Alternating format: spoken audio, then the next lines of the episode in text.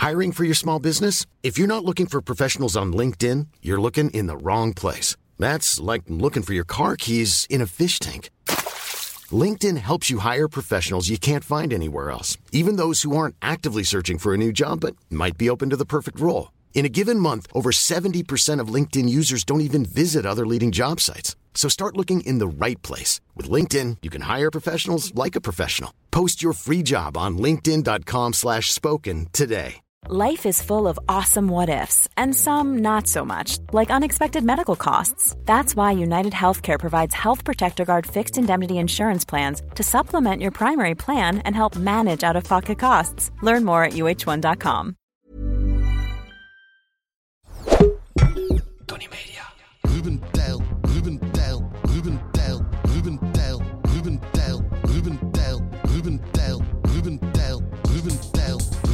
Ja, lieve luisteraars, goedemorgen, goedemiddag, goedenavond of goedenacht. Welkom bij Ruben Tijl, Ruben, de podcast. Heel hartelijk welkom ook in eh, 2023, lieve luisteraars. Eh, nogmaals, ja, nog net even op de valreep. Het mag al lang niet meer, maar de allerbeste wensen natuurlijk. Ja, tuurlijk. Ja. Eh, je, je kunt elkaar het hele jaar eh, Ja, het, het beste wensen. Daarom, daarom. Maar het, is Ehm, meer, het zit meer in ehm, het di- dichtbij komen van mensen. Dat dat moet stoppen. eh, de beste Precies, wensen, De beste wensen. een knuffel. Ja, of dat mensen daar eh, zeg maar het, het recht aan ontlenen dat ze een praatje kunnen maken. Ja, ja, ja, ja. U merkt het, we zijn in de meest deprimaand van het jaar beland. Ja, nou, gewoon, nee, ik vind, ik vind wel dat je kan zeggen, weet je, op 4 januari stopt dat. De Ja. beste wensen. Omdat het, omdat het vooral eh, eh, je verplicht om, om, eh, om, om iemand... eh, Ja. En eh woord gedaan staan. met uh, oud en nieuw. Ja. Ja, beste wens nog, hè? Ja. De- weet je, Goeie voornemens. je kan, je kan, het is niet hetzelfde als goedenavond. Goedenavond. Nee. Ja, of eh, beste wens nog. Ah, nou. ja, ja, ja, ja, ja, ja, ja, ja. Nou, Ja, ja. eh, Ik ben dus verplant te gaan sporten. Ja. Nou, brr, gaan we weer. Nou, het, inderdaad, de feestdagen zitten erop. Iedereen moet eh, die, die weer afvallen. De eerste goede, nemens zijn alweer, goede voornemens zijn alweer gesneuveld. Ehm, en dus, lieve luisteraar, is het tijd voor je broodnodige dosis geluk. Middels deze pracht van een podcast. Ja. Eh, hoe, hoe is het met ehm, Dry January? Geen idee. En, en wat vinden jullie? Wat, wat, Eh, wordt- nou, ik hou niet van droge martini. Bam. Dus dat Bam, sla ik dan gelijk af. geparkeerd in de. Nee, ik... eh, eh, nee, ik, ik, Ik, doe vind dat niet misschien wel de ergste trend. Erger dan november. Ja, Iedereen met een maar ik zoek nog iets ergers. Oké. Eh, kinderarbeid. Nou ja. Nee, ik vind kinderarbeid erger. Maar het scheelt niet veel. Nee. Want ik vind het gewoon... Het is stuivertje wisselen. Ja, nee, maar Ja. ik, vind, ik, vind, ik vind Dry January zo. Ja, het wordt vaak gedaan door mensen die al, ook al een halve droge november erop Precies, zitten. En in drinken. maart al Precies, altijd ja. droog. Hey, dry January. Het ook gewoon mee willen doen, hè? Een, een clubje. Precies. Ik vind het, weet je, het zijn mensen die al makkelijk niet drinken. Ja, ja. Het is eigenlijk, eigenlijk alsof, alsof, alsof miljonairs zeggen... eh, eh, credit march. Credit March. We gaan, even lekker, we gaan wij- even een maandje lang even lekker veel geld verdienen. Of zullen wij No Heroin February? Ik heb daar geen moeite mee. Nee, precies. Ik heb nog nooit heroïne nou, gehad. Nee. maar wat ik nog erger vind aan een credit march... is dat andere mensen het hebben over dat ze lekker makkelijk veel geld verdienen. Ja, ja. Dat vind ik nog het erge. Dus die mensen, heerlijk. Oh, ik vind het heerlijk. lekker, lekker. helemaal niet drinken. Heerlijk. Dat vind ik helemaal niet heerlijk. Nee. En het is ook niet zo makkelijk voor mij. Ik heb het nodig. Dus ik vind het gewoon irritant dat na eh, een, een jaar van feestelijkheden, of een maand van feestelijkheden, Ja. en een heel jaar eigenlijk, je zo moet beginnen op de rots mogelijke manier. Ja, met een rot. ik gewoon, vind, ik- vind, Nou, ja, het maar je, eh, het begint toch eigenlijk al gelijk 1, 2, 3. Ga je toch eventjes naar een nieuwjaarsborrel? Ga je Ja. toch eventjes Ja, iedereen ja. ge- gelukkig nieuwjaar wensen? Ja. Wat ga je dat doen? Een glas karnemelk? Ja. Wat is dat voor een feestelijke Ja. eh, bedoeling dan? Ja, ja. ja, het is, ja ze Ja, gaan wel... Drink gewoon niet te veel het hele jaar door. Ze gaan expres naar feestjes om te zeggen dat zij meedoen. ja, Nee, precies. nee, nee, nee, nee, nee, dank je. Alsof die Nee, miljonair inderdaad... Die miljonair gaat, gaat bij de voedselbank staan. Ja. Je zegt, nee, oh nee, voor, nee, voor mij niet. Ik heb Credit March. Ik kan alles kopen wat ik wil, joh. Ja, nou, ik, ik kom hier even bij de voedselbank een pakketje ophalen. Ja. Hou ik nog meer over. ik ben wel lekker aan het verdienen, maar hou ik nog meer over. ja. Ja, doe mij nog een blik eh, ananas. ehm, iedereen die eh, aan eh, Dry January doet, prima hoor. Ik bedoel, ik zal er niet Ja. je daar te hard om laten vallen. Maar als je het niet doet, respect. ja, precies. Respect. Respect voor Wet January, people. Goed. Ik reed, ja, dit is een heel Oh. ander verhaal. Ik reed langs het hoofdkantoor van Netflix. Eh, een heel mooi kantoor. En er hing een spandoek voor mij. Nou, een ja, panier. Als beste kijker van het jaar. Een grote aandeelhouder. ik ging naar binnen en ik zei, eh, joh, eh, hoe, hoe, eh, goedemiddag, ging dat. En eh, hallo, wat kunnen we voor doen? Ja, ik zei, ik wil, even, ik wil het wel weten, eh, hoe dat zit met Ruben van der Meer. En, eh, Nou ja, zeiden zij. eh, dat, eh, sorry, je had een afspraak moeten hebben. Ik zei, nee, ik wil het nu. Ik wil het. eh, ik zei, maar ik, ik, ik, wil, hey, ik wil het nu weten, ja. En eh, nee, nee, rustig. k- eh, kunnen geen negatieve publiciteit gebruiken. Oh nee! Oh nee, kun je. Dus eh, eh, eh, dat Ruben van der Meer voor jullie. eh, nee, nee, nee, nee, nee, nee, nee. Toen kwam er gelijk iemand. eh, kom mee, kom mee. eh, Koffie, ja, koffie, ging kunt u hier eh, wachten? Ik ging eh, gelijk door een paar deuren en ehm, ik kwam eh, in een ruimte. En daar kwam iemand eh, van eh, de directie, iemand van het escalatieteam. er belde iemand uit Escalatie. Pijnteam. LA en die moest uit zijn bed gebeld worden, want eh andere Ja. tijdzone. Ja, ja, en eh, tuurlijk, wat tuurlijk, ik dan tuurlijk. wist en zo. Ik zei, Mhm. ja, ik, ik, wil, ik bedoel, ik, ik, ik weet het. Ja, En eh, hebt het het is namelijk zo duidelijk. je hebt het opgeteld in Precies. 2022. En, eh, en, en toen zeiden ze, oké, als, als, als wij het Stel- zeggen, stelt- stel- oh. dus, Ja. als wij het zeggen, houd, dan, houd het dan hier op. En toen... En zei ik, nou ja, eh, wat moet ik weten? Zei ze, nou, we betalen hem eh 250.000 euro per jaar. Per jaar 250.000 Om euro. te kijken en over te lullen. En toen deed die man en over te lullen. En toen deed hij zo, tak, tak, handje. Op, op, op, En maar lullen, lullen, lullen. En dat doet hij hoor. Oh, dat zou wel lekker zijn. Ja, en zeiden ze, hij gaat het ontkennen. Hij gaat het ontkennen. Maar het is me allemaal duidelijk. Ja, dat Hij vest krijgt- ziet er duur uit. Een duur Kijk, vest volgens mij. nou, Ja, dat is een duur vest. Dat Is- heb ik ooit van jou gekregen. Oh, Want die had je laten hangen in de kleedkamer. Toen had ik hem aangedaan. En toen zei je, oeh, die staat jou wel veel beter. is ook zo. En hij gaat proberen, daarvoor. als het ter sprake wordt gebracht, over iets anders te hebben. Nee hoor. Uit vest Eh, of... Weet je, laat, zal ik anders beginnen? Ja. Eh, ik ga niet eens dobbelen. Oh. Want jij gooit het scherm? Want ik gooi het scherm. Nou. Want Zou, zou jij, zou jij voor, voor Netflix willen werken? 250.000 eh weet je, euro ja, per jaar. Netflix, als je luistert. Maar dan kan je verder niks doen. Dat is het dan. Meneer Flix. Eh, oh, dat, maar dan nooit meer of gewoon een aantal jaar? Vijf jaar. Vijf jaar. Pff, where do I sign? Oké. Geweldig. Eh, nou, ik, ik heb namelijk een, eh, een, een film. Op eh, Videoland gezien? Dat zou echt grappig zijn. Als je nu opeens dit jaar overgestapt op Videoland. Ja, nee, maar die kijk ik ook. Ik kijk gewoon veel. Videoland is goed, hè? Ik kijk gewoon. nee, ik kijk ook Zeg het. YouTube. Zeg ik het. kijk ook YouTube. Ik zeg vannacht, vannacht heb ik drie interviews gekeken op YouTube. Bam. Tot, tot, ja. Je, het lijkt alsof je er een medaille voor wil. Nee, maar gewoon. Ja, maar jij houdt er gewoon van kijken. Ik hou, ja, Er is niks mis daar, mee. daar, daar leer ik veel van. En soms kijk ik een stukje en denk ik, oeh, dit kan ik beter kijken met die en die. Of met die, weet je, Ja. hè? er is een, een, eh, Dus je hebt een schrift. eh, nee, dat onthoud ik dan wel. Oké. Eh, een basketbalfilm. Ik, denk, ah, dat is wel leuk om met eh mijn Horus, zwager want te die is heel kijken. klein.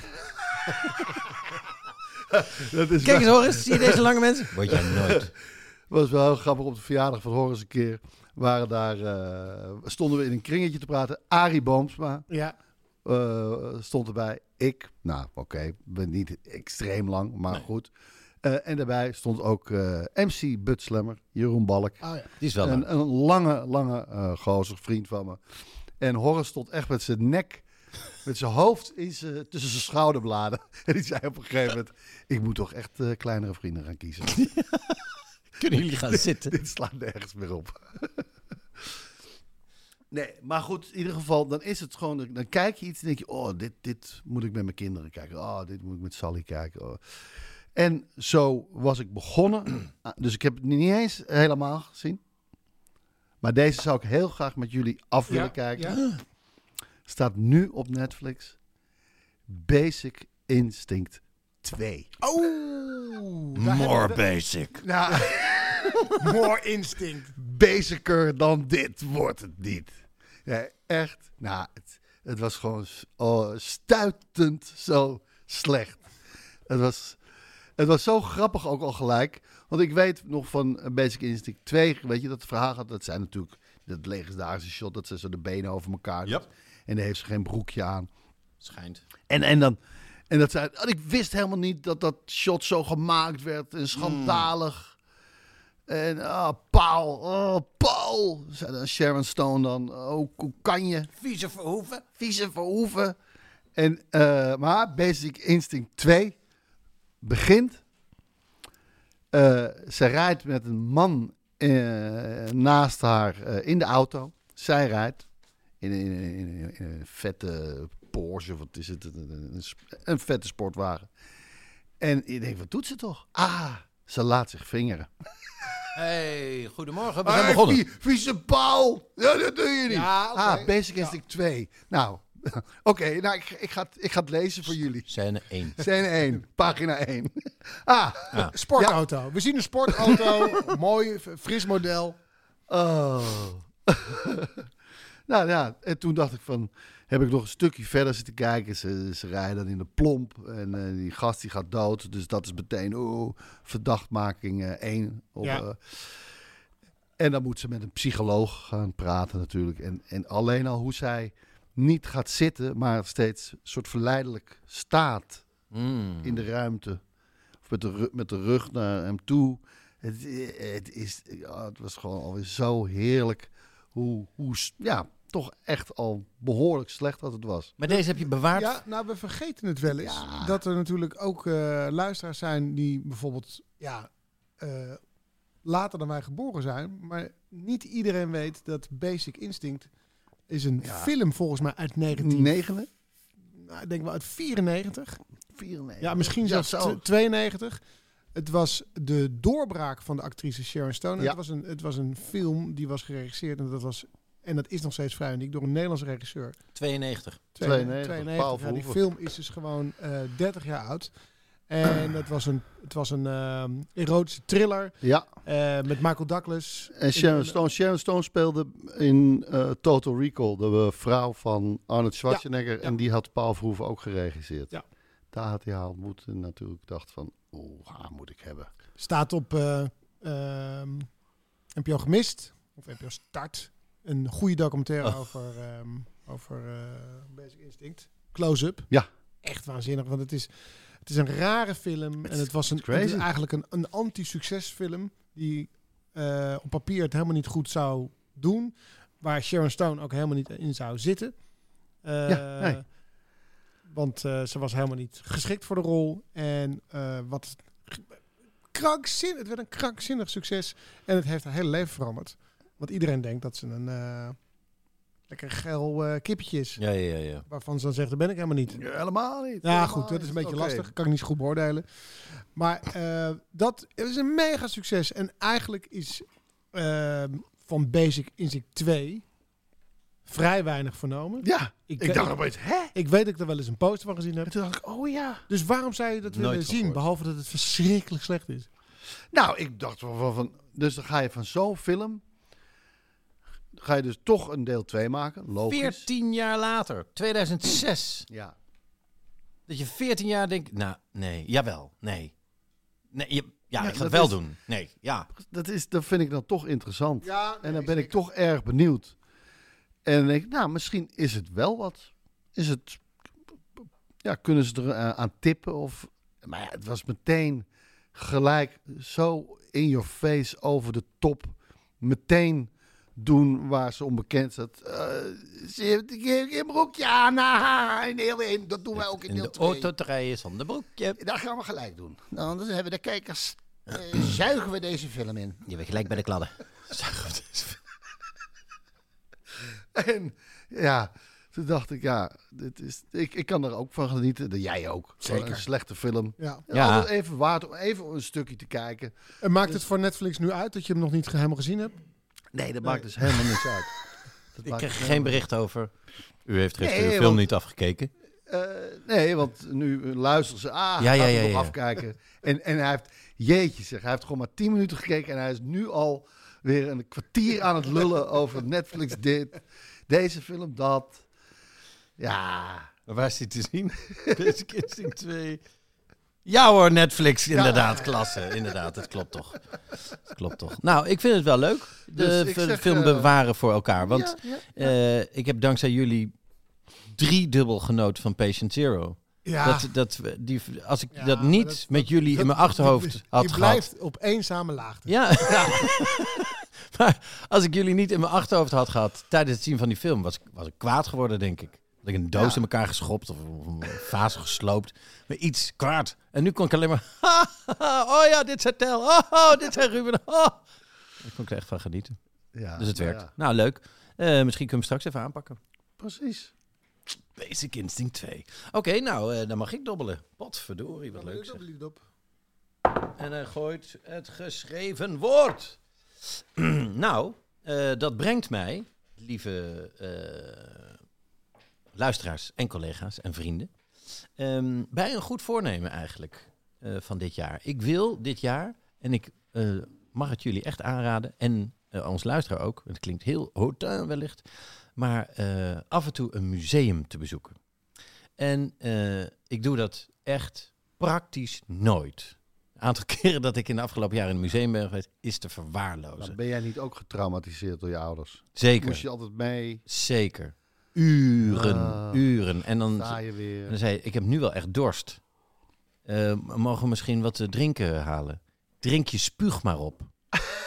Swear to God, cross my heart, hope to die. Dat was eh, opvoeden bij de Nicolais thuis. Maar stompen kon je krijgen. Nee, dat niet. Maar eh, nee hoor, er was, er werd geen geld weggegooid.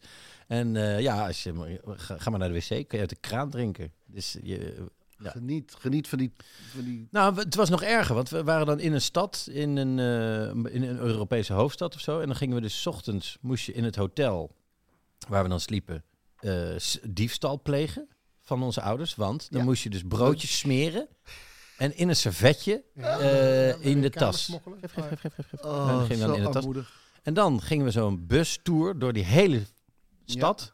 Zo- zo- Zo'n eh dubbeldekkertour waar Ja. je dan langs alle punten komt. En dan stapten we uit bij het eindpunt en, En dan liepen we terug.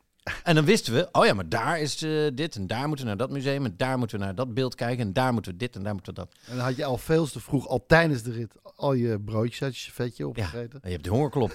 Om half tien. Half tien ochtends heb je de Oh, hongerklop. Je bent al vanaf zeven uur uit je bed getrapt. Ik werkte vroeger in een hotel als bijbaantje. En dan moest ik, werd het dus door mijn chef, eh, als eh, ik was, deed dan ontbijtkelner. Ja, Eh, In werd Dikker en gezegd, Thijs. hey, even opletten, die mensen gaan wat pakken. Zeg er wat van. Nee, dat is niet de bedoeling. En dan moest ik, Ja. moest dan naar die mensen toe en dan zeggen, u stopt net een broodje in uw tas. You, you just put a sandwich in your bag. Then In I have to charge you for the lunch as well.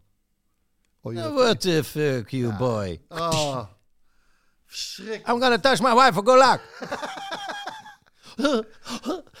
nou goed, eh, terug naar mij. Eh, ehm, dat is mijn tip voor het aankomend jaar. Eh, ga eens een museum en doe dat niet in het buitenland, maar ga eens gewoon naar Nederland. Want wij zijn weer voorzichtig afleveringen aan het opnemen voor seizoen 3 van De Erfgenaam. Oeh, zit er wat tussen? Ja, nee, maar nee, ik, maar vind- je ik vind dat... presenteert het programma toch ook omdat je hoopt. Ja, Dat ja je, ik, maar ook voor jullie. Ik hoop elke keer dat er een... nou, hey, maar dat backhand. iemand zegt het. Nou, hey, van der nee, Meer. op een gegeven moment vind je toch niks. En er is toch een tonnetje. Ja, En dan is het van, joh, ja. van wie is het Tonnetje tonnetje? van jongens en van meisjes. mij. Weer terug naar mij. Eh, we zijn dus eh, v- seizoen 3, ben ik best wel trots op. Want Ja. niemand had gedacht dat het eh, überhaupt één seizoen zou krijgen. Nee, maar staan. mensen blijven overlijden natuurlijk. Ja, en geld achterlaten. Waarom? Ehm, van de erfgenaam. Sterker nog, want ik heb het hier al eens eerder over. Hebben jullie je testament inmiddels op orde? Nee.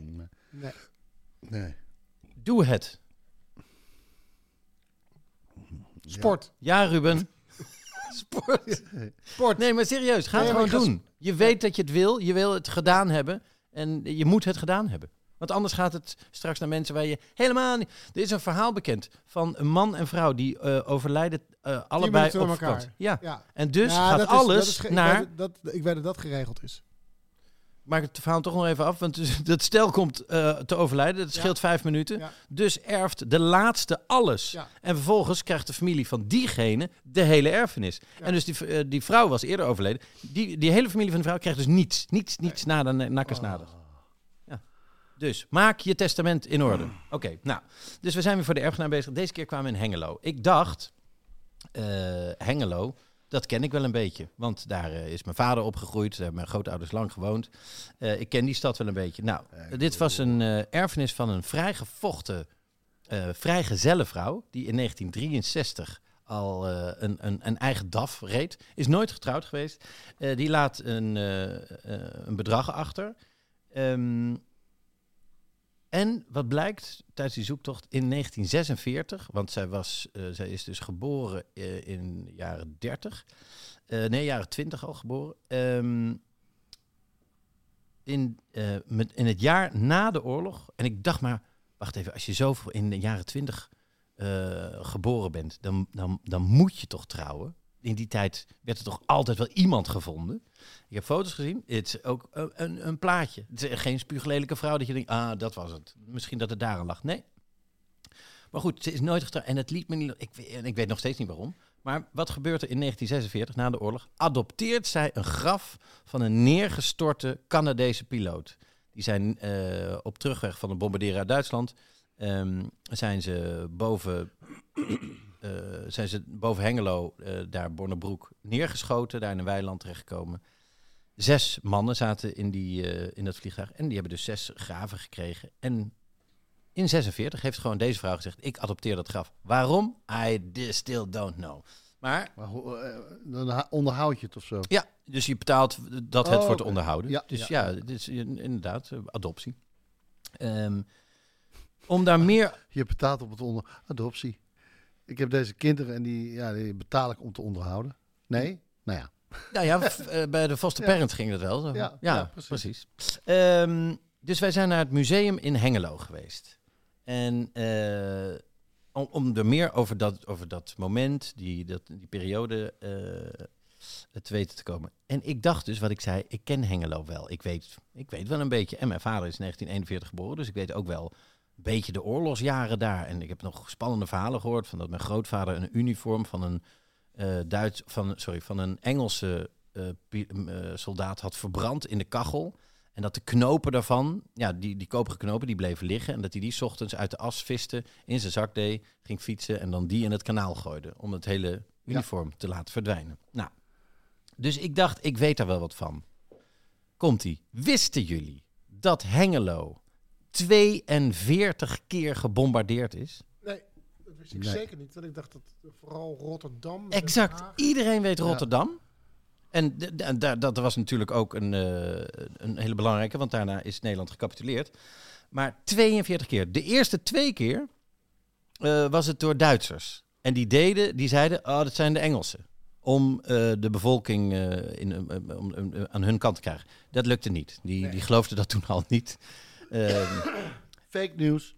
40 keer daarna door de geallieerden. En waarom? Omdat er vier spoorwegen bij elkaar komen. Naar Oldenzaal, naar eh, Enschede en nog twee andere. En dit kwam precies bij Hengelo bij elkaar. Dus puur uit efficiency, efficiency versus menselijkheid, werd gewoon die hele stad continu platgegooid. Ehm de heftigste twee bombardementen zijn op 6 en 7 oktober 44. 6 oktober duurt een paar uur. Dus het centrum is nagenoeg plat gegooid. Het spoor is niet geraakt. Het spoorweg emplacement wat ze probeerden te raken, niet geraakt.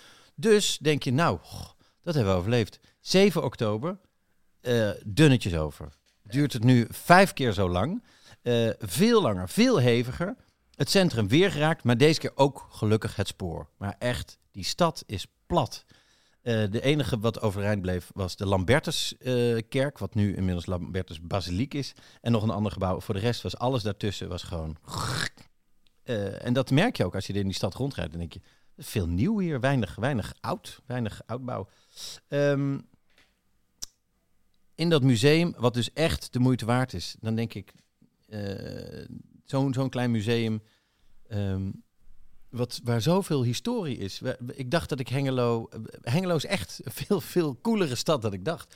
Wat zij daar hebben gedaan voor de industrie, voor de opbouw, maar voor de, de saamhorigheid van een stad, het is echt ongekend. Het is echt een heel bijzonder stadje.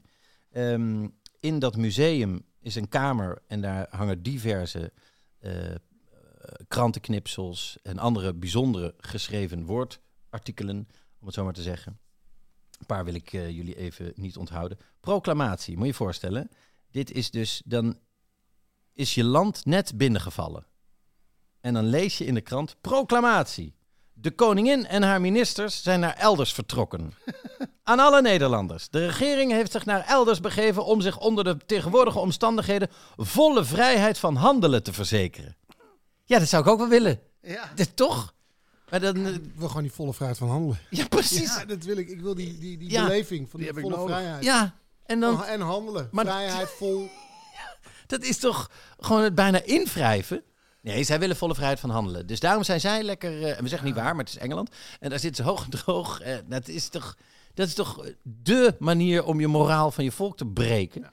Ehm, er is een eh, oorkonde ingemetseld. Ja, dat is ook een verhaal. Er is een oorkonde ingemetseld. Die is geschreven door de notabelen van de stad. In, eh, en dat is in 1939, 18 oktober 39. Ze voelen daar de bui hangen. En ze schrijven, en dit zijn dus eh, de mensen die vooral voor de cultuur bezig zijn. Maar het is de handelscommissie van eh, Hengelo.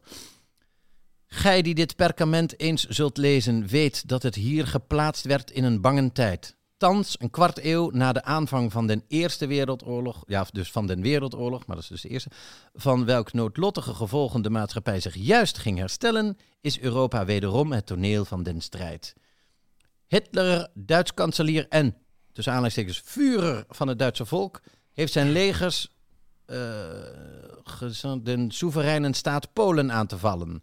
In het oorlogsgebied eh, werden vele werken des, dit gaat dus over Polen, des vredes verstoord. De kunst als edelste uiting van de, eh, van de menselijke geest hoeft, heeft geen plaats meer te midden van het krijgsrumoer. Mogen zij een wijkplaats vinden in de neutrale landen? Eh, en dan hopen ze dus ook dat Nederland weer neutraal blijft. Nou, little did they know. Ehm, maar dan, eh, dit schrijven ze dus op, prachtig opgeschreven, op een perkament. Hebben ze eh, in een lode pijp gedaan en dat hebben ze ingemetseld in de, in de schoorsteen van het concertgebouw, wat later helemaal aan gort is gebombardeerd. Ehm, dat wordt ondertekend door de notabelen. En dat zijn eh, de grote mannen van de stad. Werd ondertekend eh, door de vooraanstaande Hengeloers, de fabrikanten Stork, Dikkers, de Monchy en Meiling. De opvallendste ondertekenaar is echter ingenieur Johan Groneman. Dus die ondertekent dit ook. Hij is de voorzitter van de handelscommissie. Hij haalt alles mensen bij elkaar en zegt, dit moeten we doen, metselt het in. Eh, de Duitsers komen binnen. Na de Duitse inval wordt hij lid van de NSB. Vanaf september 1943 tot aan de bevrijding zal hij als NSB'er burgemeester van Hengelo zijn. Het, eh, ja, het, er is nog veel meer daar te zien, maar ik vond het af en toe echt duizelen. Een, eh, oh ja, de bekendmaking, bekendmaking van ter dood veroordeelden. Want, wisten jullie, jullie weten vast wel dat er een staking is geweest, toch? De februari-staking. Precies, dat is de enige bekende staking. Tenminste, bij eh, een groot gedeelte van Nederland, bij mij ook. Eh, dat is niet de enige staking. Zij hebben een hele andere staking. De februari-staking was wel inderdaad om te staken voor Joden. Want de Joden werden afgevoerd en de Nederlanders zeiden dat pikken we niet. Nou, die is bloedig neergeslagen, zoals we alle weten. Eh, nu in 1943 was, er, eh, was in Duitsland tekort aan eh, arbeidskrachten. Dus werden alle mensen die in de fabriek in eh, Hengelo aan de slag eh, waren, die werden gesommeerd om zich te melden in Duitsland, om daar voor de arbeidseinsatz eh, te melden. En toen hebben de, eh de Hengeloos gezegd, nou dat pikken we niet. Dat pikken we niet. Nee, wij werken in deze fabriek en daar werken we hard en we zijn al lang eh, met onze stad bezig, weet ik wat.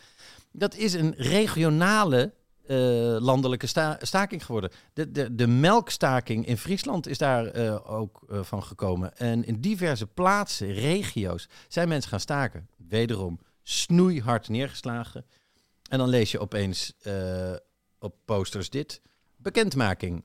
De Heure SS en Polizeiführer maakt bekend. Het politiestandgerecht Overijssel heeft op grond van het decreet en van de bijzondere verordening van de Rijkscommissaris over de inwerktreding van het politiestandrecht van 30 april 1943 ter dood veroordeeld den Nederlander Frederik Martinus Loep, geboren eh 31 augustus 1906 in de stad Doetinchem. Loep heeft als leidend bedrijfsingenieur der firma Stork te Hengelo door passief gedrag de staking bewust en gewild gesteund.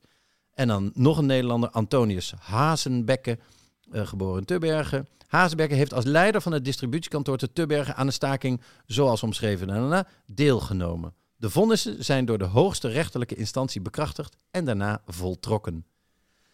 Het, ja, ik, het, de, juist de persoonlijkheid, de, de, de kleinschaligheid van de berichten. dit- het is ook in een soort huiskamer ingericht in dat museum nogmaals zeer de moeite waard, maakt het zo beklemmend, zo dat je echt kan voorstellen, nou, dat, dat- dat- je, je opent je krant en daar staat, ja, de, de volgende mensen zijn eh, dood. Eh, en het is gewoon een compleet nieuwe waarheid. Nou, eh, je merkt, ik was er een beetje in ondergedompeld. Ja? Mijn bottom line is, we zitten gewoon, je- we zitten overal waar we wonen op een schat aan historie. Hoe heet dit museum? Dit is Museum Hengelo. Gewoon Museum Hengelo. Museum Hengelo. Oh, Ehm, maar ga, ga eens naar een museum. Zoek een dorp in de buurt of een stadje in de buurt. Ga naar een museum en je, je zal verbijsterd zijn wat je aantreft. We hebben gewoon zoveel geschiedenis waar we bovenop zitten. Eh, ik vond het ontzettend de moeite waard. En ik vond het een originele manier om daar te komen. En ik vond het, ja, echt wat ik zei, zeer het eh, bezoeken waard. Dus eh, mag ik iedereen aanraden. Waarvoor dank. Ja, waarvoor dank. Inderdaad, inderdaad. Nou, maar, zoals mijn ouders het vroeger deden, neemt nu mijn eh, vrouw mij en de kinderen mee naar het museum. Moet je Ja? dus In plaats dat ik meedoe van, nou, je kom op kinderen, we gaan naar het museum. Doe ik, ah, nee. En dan is het toch altijd wel weer, eh, wel weer heel leuk. Ja, Gelukkig. ja. Ehm, ik eh, heb het eh, beeldschermpje. Kijk aan. Ik heb iets gezien, maar ik heb ook iets eh, Ah. meegemaakt. En, eh, en dat wil ik even toch aan elkaar koppelen. Eh, jullie weten, een, een jaar geleden was ik in Argentinië. Ben ik lang geweest, bijna een maand. En hetzelfde jaar werd Argentinië wereldkampioen. Onder andere door Nederland uitschakelen. Wat een wedstrijd was dat zeg. 2-2. Dan denk je, nu gaan we erop en erover. Dat Ja. is zo mentaal dik. Als je 2-0 voor staat, eigenlijk Ja. niks aan de hand. Je krijgt er twee meer oren. Is niet gebeurd. Is De niet laatste seconde 2-2 maken. gebeurd. Ja, is niet gebeurd. Jammer. Ze hadden natuurlijk, Ja. Ja, nee. Nou, Frankrijk precies hetzelfde in de finale. ja, Ook 2-0 achter, ook Ja. 2-2. En dan denk je ook inderdaad, die hebben mentaal nu. het voordeel. nu doorpakken. We hebben allemaal gezien hoe eh, Argentinië wereldkampioen werd. En ehm, toen moest ik denken aan mijn tijd eh, in eh, Buenos Aires, waar het feest losbarstte. En dan zie je natuurlijk opeens de plek Zo. van, hé, hey, daar ben ik ook geweest. Dus ja, dat schept zeker een band. Ja. En ehm, toen wist ik ook, en dat, weet ik, dat wist ik eigenlijk al vanaf het moment dat ik daar geweest was. En ik ken Nederland natuurlijk goed. Het is veel meer aan hem besteed. Wereldkampioen worden, dat is echt, die, die, die dollar is veel meer waard in Argentinië. Weet je, zij, zij eh, hebben dat daar echt nodig. De inflatie is daar gigantisch. De armoede is daar gigantisch.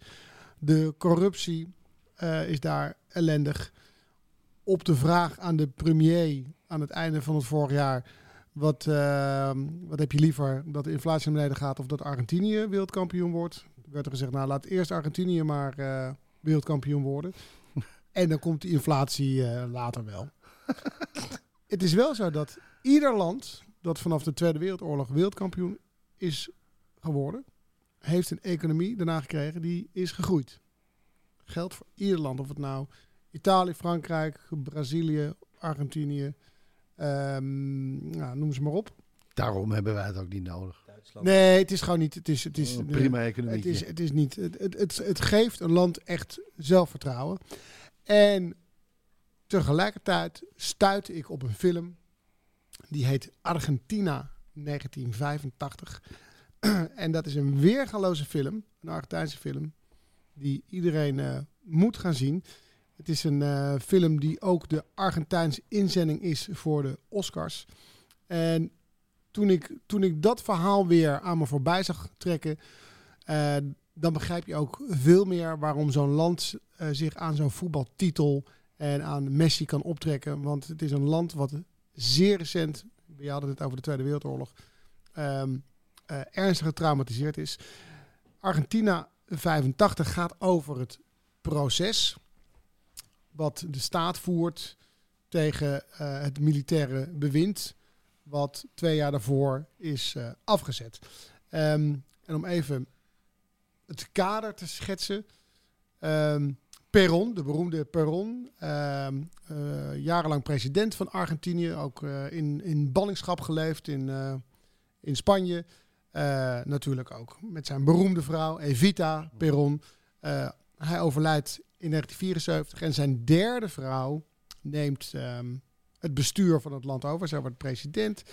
Zij is een zwakke president. Ehm, er zijn aanslagen, zijn ontvoeringen. Eh, Argentinië is een land met een, met een sterke eh, militaire traditie. Dus het leger neemt langzaam maar zeker dingen over. En een eh, zekere Fidela, Jorge Fidela, krijgt in 1976 nou, min of meer de sleutel van het land in handen. Zo verzwakt is de president. Dan komt er een, een coup. En ehm, wordt het eh, militaire regime, de junta, eh, bij ons wel bekend, eh, geïnstalleerd en, ehm, en, en grijpt de macht over het land. En deze film, 1985, gaat over de rechtszaak die wordt gevoerd tegen de militaire top, die op dat moment de bekende vuile oorlog begint.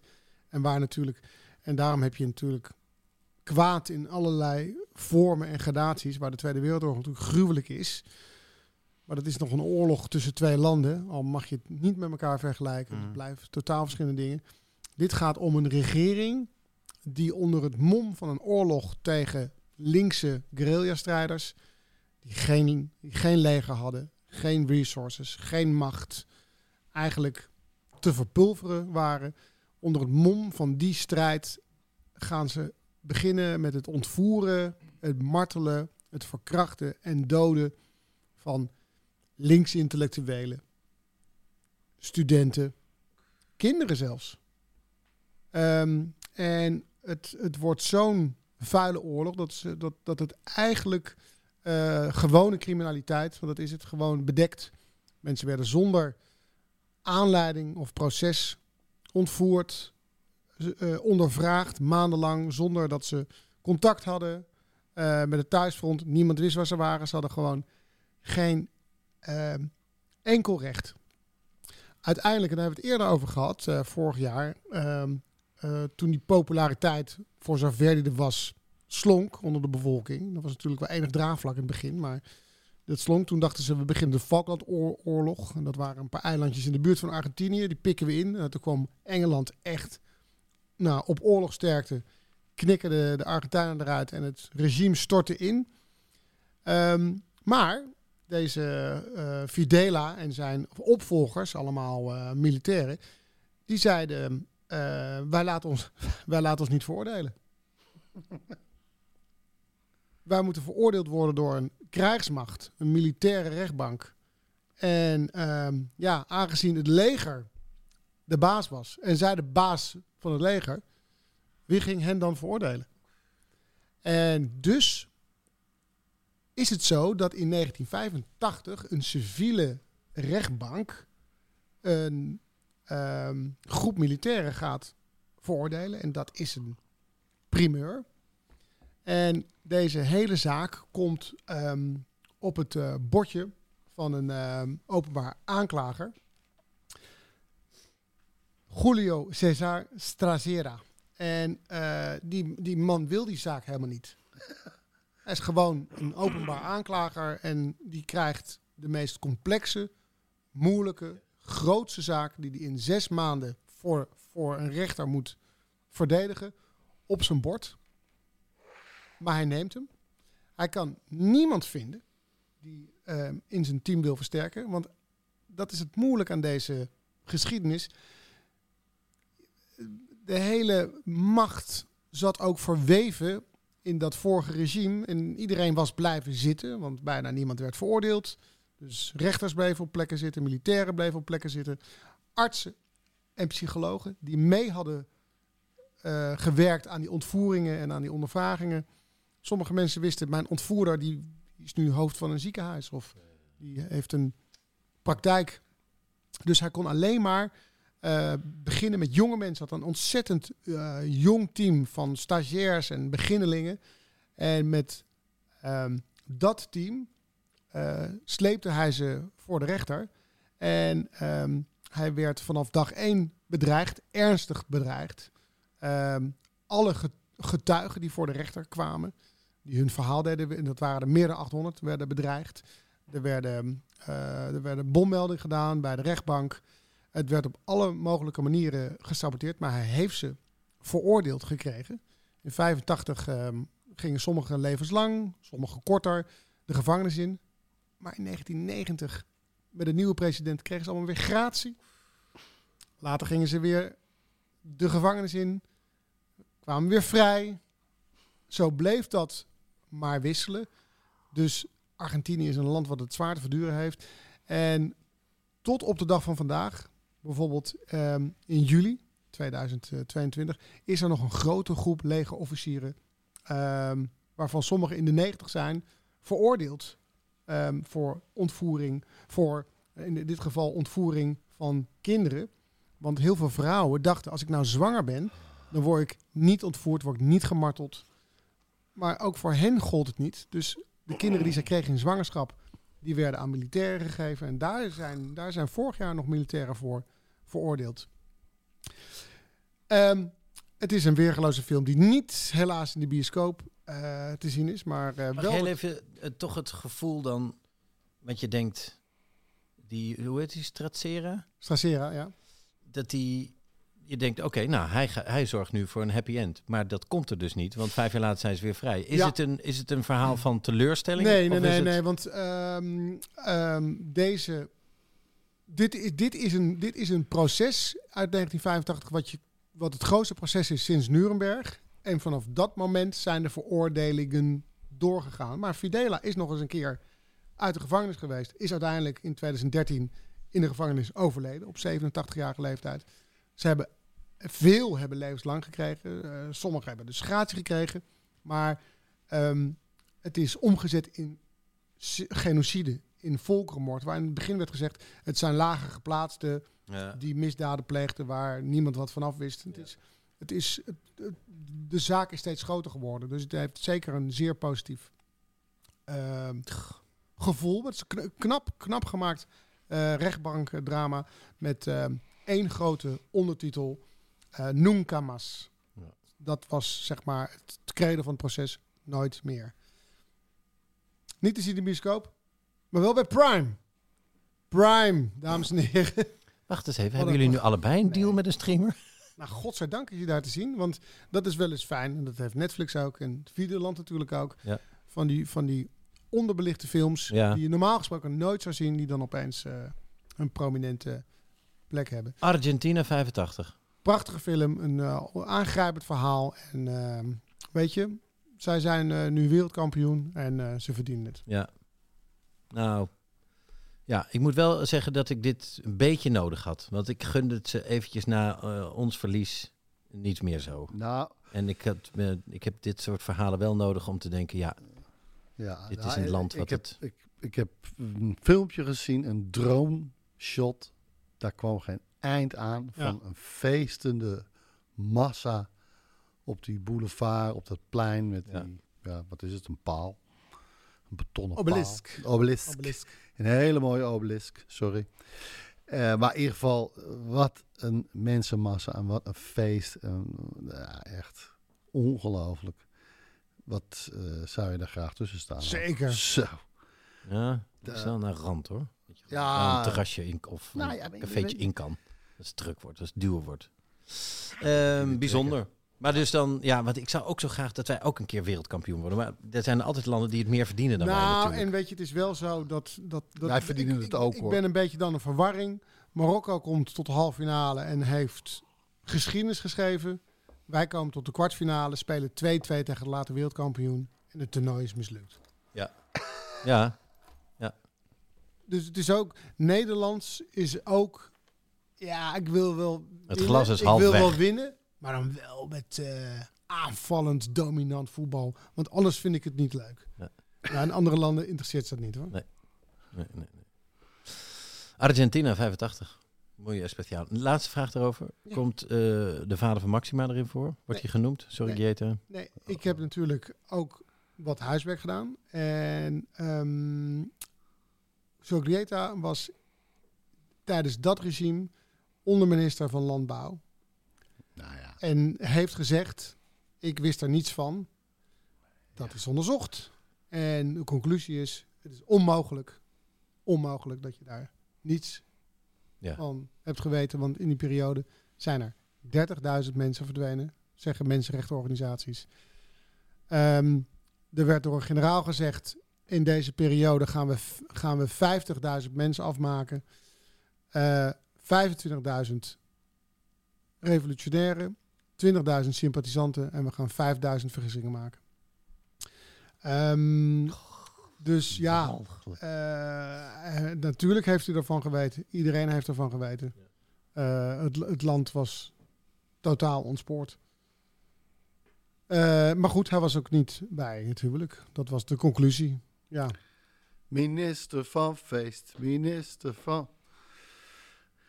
Echt, wat is dat toch verschrikkelijk. Dat, het, dat hij daar dan zo eh, nog over zegt, toch nog over gaat zeggen. Ik heb dat niet geweten. Nee. Ik was heel druk met, het, het- met tractoren bestellen. Nou, je hebt, het, je hebt, iedereen heeft natuurlijk gehoord van de dwaze moeders, die iedere donderdagavond eh, hun, Ja. hun ronde maken. En, de, en die waren dapper. Dat waren namelijk de oma's van de kinderen die in gevangenschap werden geboren. Die wisten dat, die, die wisten dat Ja, hun dochter zwanger was ontvoerd. En eh, die wisten, ik, ik moet nu ergens een kleinkind hebben. Dus dat... eh, ja, nee, dus dat, eh, dat, dat, dat kon niemand ontgaan zijn. Heftige kost, zware kost, maar ook inspirerende kost. Ik, ik, mag hem, ik mag en zal en kan hem iedereen aanraden. Het is een, geweldige film. En weet je, het is ook zo goed om weer eens cinema van ehm, ver weg te kijken. Daarom, Bam. Basic Eh, Instinct 2. Lieve, lieve luisteraar, Een echte kutfilm. hij begon al kut. Een slap aftreksel. Ah, heerlijk. Eh, de cirkel is rond en vies. Eh, dank voor het Vijf luisteren. sterren. Lieve, lieve luisteraar. We zijn er doorheen voor deze reguliere. Wij gaan in de backstage nog even verder. Eh, ja, als je die wil beluisteren, wat moet je dan doen, jongens? Petje.af, petje af.nl, petjeaf.com slash Ruben Tel Ruben. Dat is hem. Of je stuurt een brief. Naar- En dan sturen we jou een Accept Giro. Ja, nee, we gaan in de backstage nog even verder. We hebben natuurlijk eh, net de maand vol tradities eh, achter de rug. En we gaan eens even kijken wat onze tradities vroeger waren. Toen wij nog eh, kleine Ruben Tijl, Tijl waren. Ruben Tijl, En wat onze tradities nu Tijl, zijn. En Ruben wat onze Tijl, tradities Ruben zouden moeten Tijl, zijn. Ruben Tijl, kortom Ruben Tijl, Ruben Tijl. Ruben Van Tijl, Ruben Tel, Ruben Tijl, de podcast. Dank voor het Tijl, luisteren en tot Tijl, een volgende keer. Tijl, Ruben Tijl, Ruben Tijl, Ruben Tijl, Ruben de podcast. Hello, this is Danny Pellegrino, host of the Everything Iconic podcast, and I'm here to tell you all about Splash Refresher because hydration is mandatory, but boring is not. Now, I love my water, but if I don't spice it up, I'm not going to finish what I took out of the fridge. That's why I love my Splash Refresher, which is flavorful, delicious, bright, hydrating, and zero calories. The wild berry flavor is my fave. No, wait. Is the pineapple mango flavor my fave? You know what? All five craveable splash refresher flavors are my fave because they're so delicious. So get hydrated and enjoy it with Splash Refresher.